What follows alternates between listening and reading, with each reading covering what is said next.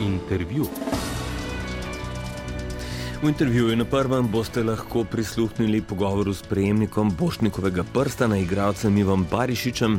Barišič je bil vse skozi član igralskega ansambla Novogoriškega gledališča, eden najpomembnejših stebrov njegovega razvoja v strokovni utemeljitvi Bošnikovega prstana, pa sta med izpostavljenimi potezami njegovega gledališkega ustvarjanja ključni popolna predanost in odprtost. S priznanim igralcem, ki je v zadnjem obdobju postal prepoznavni obraz slovenskega filma, se pogovarja o Rok Bozovičar. Spoštovani gospod Barišič, lepo pozdravljeni in hvala, ker ste z nami. Tudi vam lep pozdrav. Gospod Barišič, kje naj začneva? Kje se vam zdi, da bi morala začeti? Ja, na začetku bi rekel. Ne? Veste kaj, pravzaprav na začetku, ne mislim zdaj na to teatrsko kariero, ampak na začetku dogodka samega o prejemu informacije o tem prstanu. Moram reči, da me je to zateklo na Madagaskarju, se pravi, daleč stran od doma, od Slovenije, od vsega gledališkega dogajanja. Prvi hip sem mislil, da me nekdo heca, zaradi tega, ker moj zadnji bočnik je bil oktobra pred leti, zdaj so pa oni to premestili na konec sezone In seveda nisem niti razmišljal, sem mislil, da se heca, pa ne razumem, zakaj zdaj junija se heca s tem bošnikovim prstanom. No, ampak kljub vsemu sem jaz, bil sem namreč na Madagaskarju s štirimi prijatelji in sem rekel eno, ne, še on prečita to, kar so mi sporočili. No, in on to prebere in dobi tak resen izraz. In jaz gledam in pravi, poslušaj, Ivo, to je čist res, ne? tukaj se ne da nič, ti si ga dobil. Ne? In jaz sem se samo sesedel in, in naenkrat sem se znašel v vrtincu 45 let. Naenkrat se je to uh, naselilo vame in sem odjadral, da tako rečem, po tej viharni poti 45 let v Hrastovlje, kjer je mrtvaški ples. In sicer zato, ker sem v koronovi postavitvi ljudožrcev igral smrt. Potem sem pa čez nekaj let igral papeža v zatonu sonca in slave, ki pa jo je režiral Dušan Mlakar. No, in med tema dvema velikanoma režije, in med tema dvema osebkoma, da tako rečem, smrt in pa papež, je pa cela paleta človeštva. In jaz sem odigral, zaradi tega, ker nisem bil ukalupljen igralec, veliko različnih teh tipov ljudi.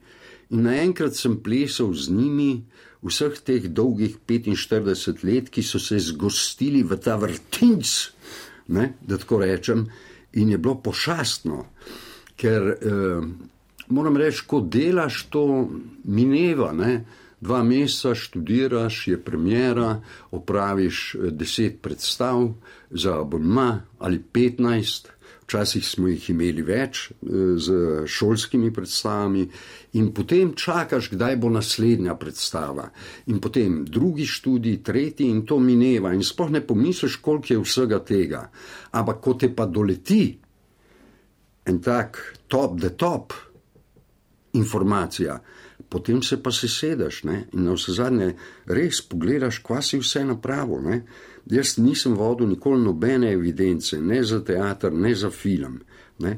Ampak, ko te pa ta vrtinc zagrabi, si pa, si pa z njimi, z vsemi temi, z vsemi temi osebami, z vsemi temi stanji, kot da bi čakali, da ponovno oživijo. Vsi ti ljudje, vse te maske, vse te misli, vsa ta vsa ta stremljenja, hotenja, razmišljanja, ne vem, kaj bi lahko še rekel, zdaj mi ne pare ravno na pamet, no, ampak hočem vam povedati, da je to tako gosta, na vse zadnje 170 premjer imeti v svojem življenju, eh, ni tako malo. No.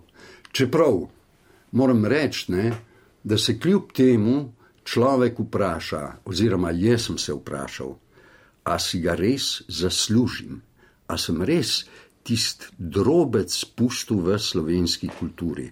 to pa je, kako bi rekel temu, tako zelo intimno vprašanje in eh, zdaj nekaj dni po podelitvi še vedno ne vem odgovora na to in verjetno ga ne vem, če bom sploh dobil odgovor na to.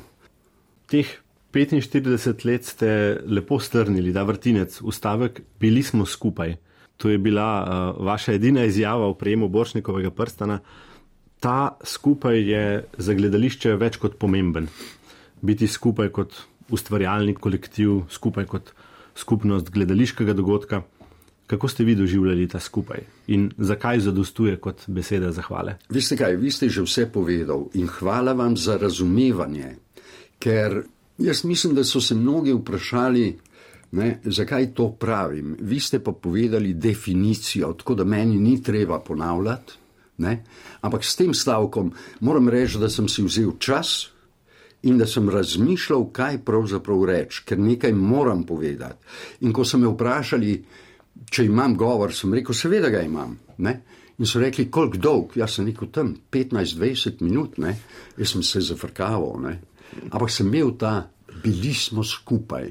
Ne? Ker to je res, mislim, uh, kako bi rekel. To je za me celota, ki pove vse, ampak to ste tudi vi povedali in hvala vam, da ste me razumeli. Rekli ste, da niste bili ukalupljen igralec. Kateri pa so najpogostejši stereotipi, ki ste jih s svojim delom ustrajno zavračali ali pa potrjevali? Ne, ne, jaz nisem ničesar zavračal, ničesar. Jaz sem se prepustil toku režiserjev. Prišel je režiser in je rekel, uh, to je namenjeno tebi in jaz sem to vzel. Nisem se nikdar, kako bi rekel, nikdar nisem imel kakšne posebne želje, da bi igral ne vem kaj, ampak sem vse sprijel, ker se mi je zdel, on mene vidi. Jaz sebe ne vidim, on me pa vidi. Ne? Pri vsej stvari gre pa za to ne? in to stališče trdno zauzemam, da tako rečem.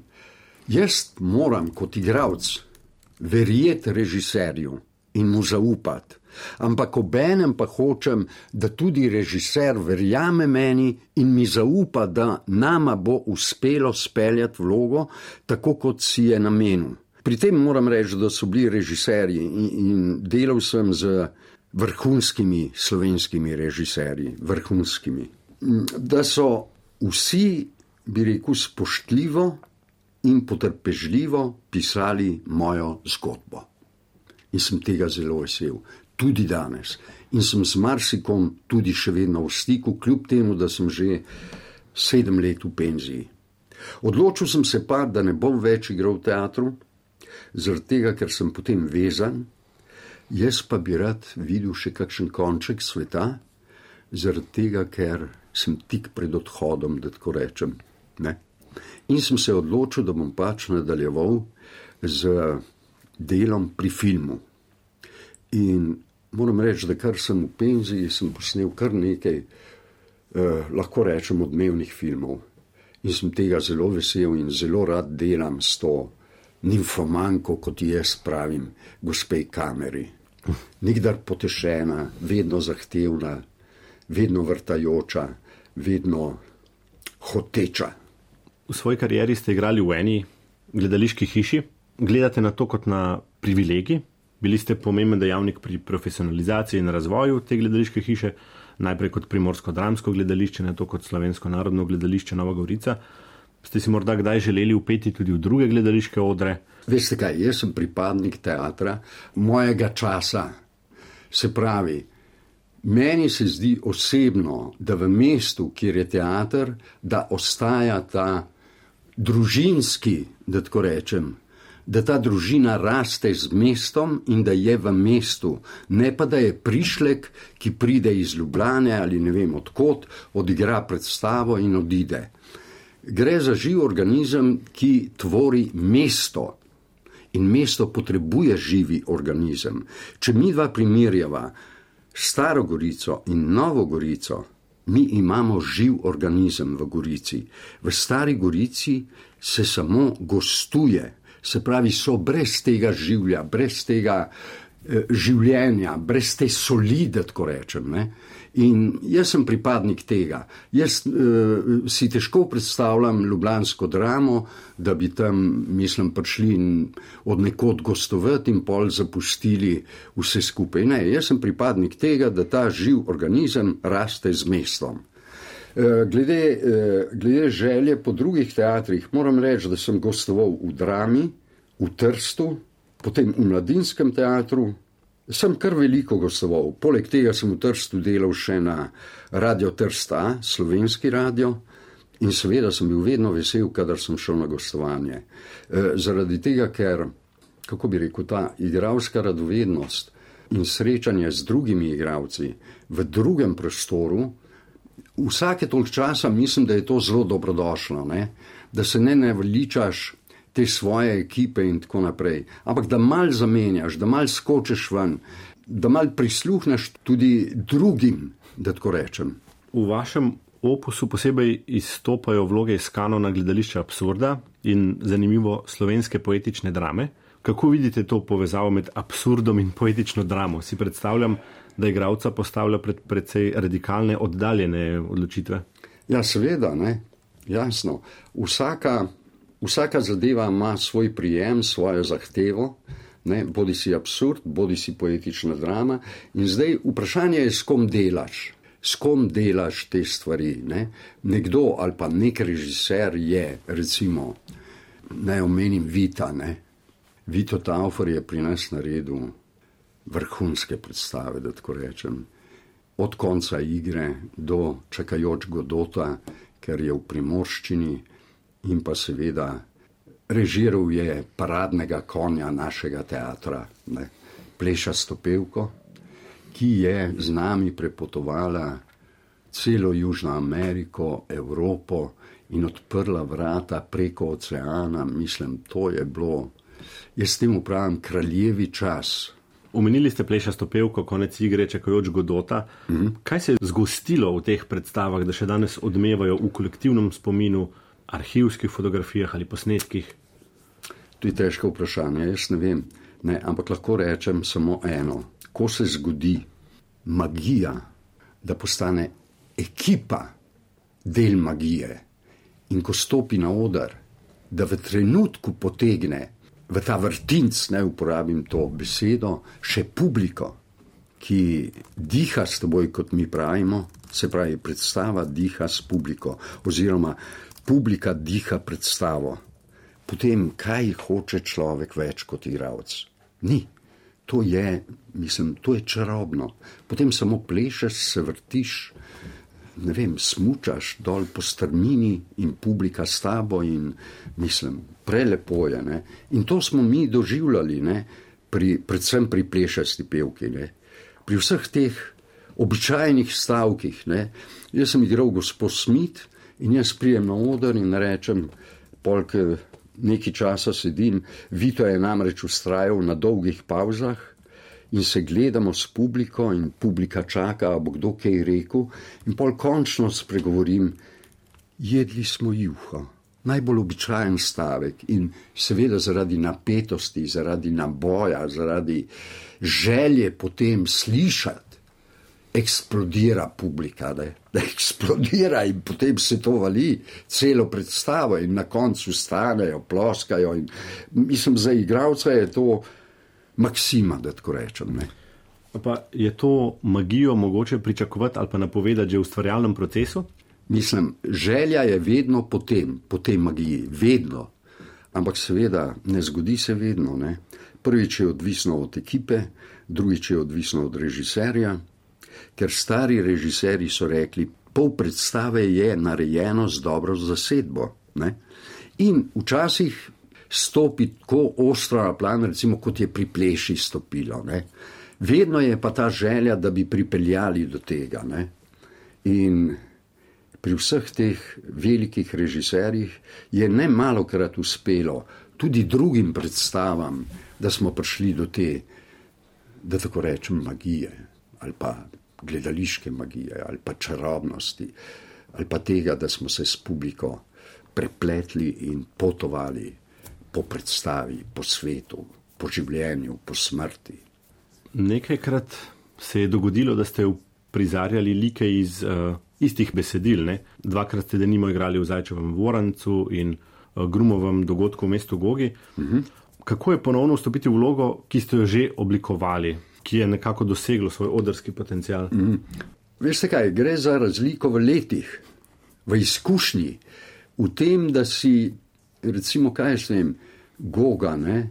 jaz sem jo igral pri režiserju Hercogu prvo potem sem pa igral pri Korunu.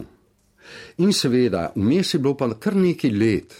In zdaj v teh letih ne, se ti, eh, kako bi rekel, igravčeva miselnost ali pa obrtništvo ali pa način, glede na čas, je en čas, potem je pa drugi čas.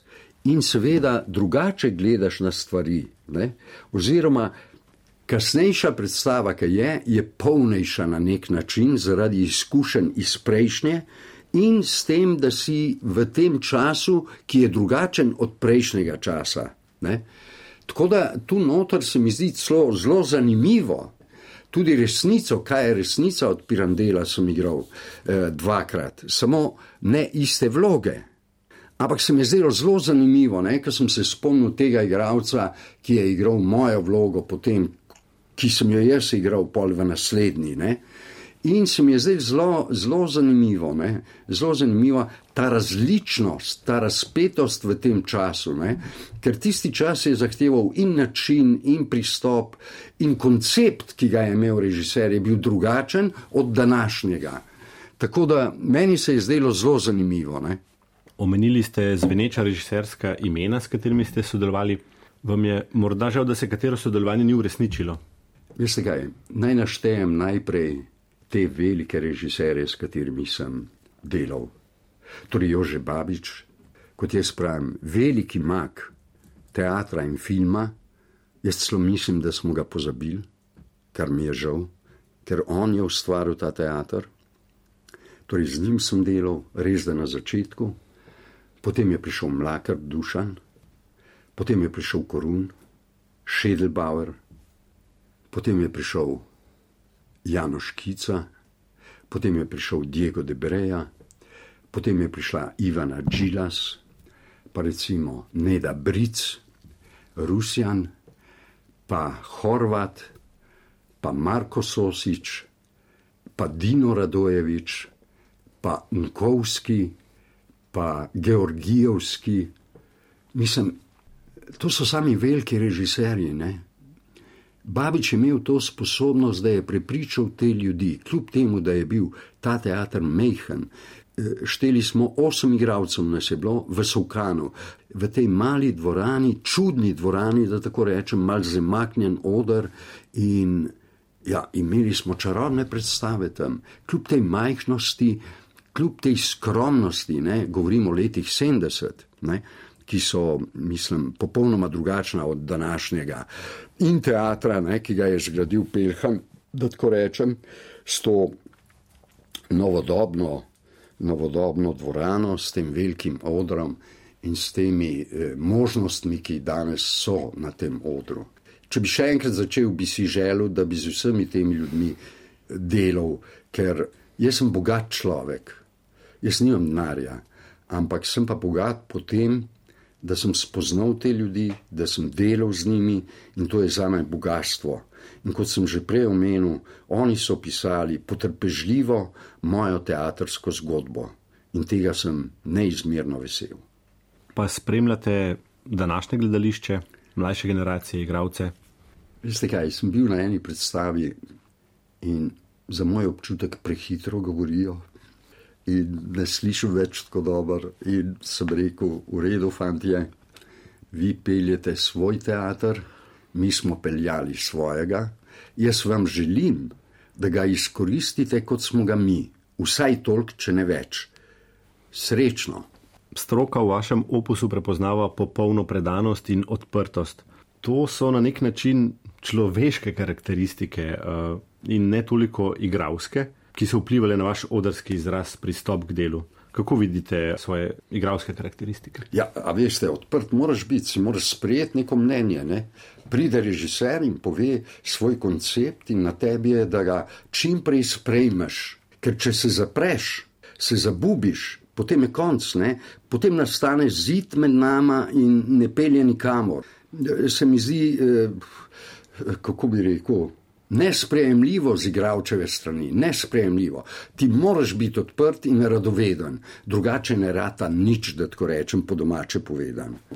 V meni je bilo vedno hotenje, ne? hotenje se približati temu, kar je režiser eh, zahteval, ampak ob enem sem si pa želel tudi svobodo. In ko smo ugotovili, kje je meja med tem, kar on zahteva in mojo svobodo, sva fajn sodelovala in jaz sem z vsemi. Eh, kot pravim, zelo dobro sodeloval, so me puščali, ne? so me opozorili na kakšne stvari, jasno, ne? ampak so puščali, ne? ker tudi oni vedo, da nam morajo pustiti svobodo, da smo živa bitja, da nismo roboti, za to gre. To robotstvo me ne zanima. Ne? Ti si živ organizem in moraš delovati s celim korpusom, tako glasovno kot telesno, in to je tvoja naloga kot igralca. Zaradi tega meni ni bilo nič nerodno, ko sem go vstal na odru. Dragi Ivo Barišič, hvala, da smo bili skupaj v tem prijetnem in zanimivem pogovoru. Najlepša hvala vam in moj pozdrav vsem poslušalcem.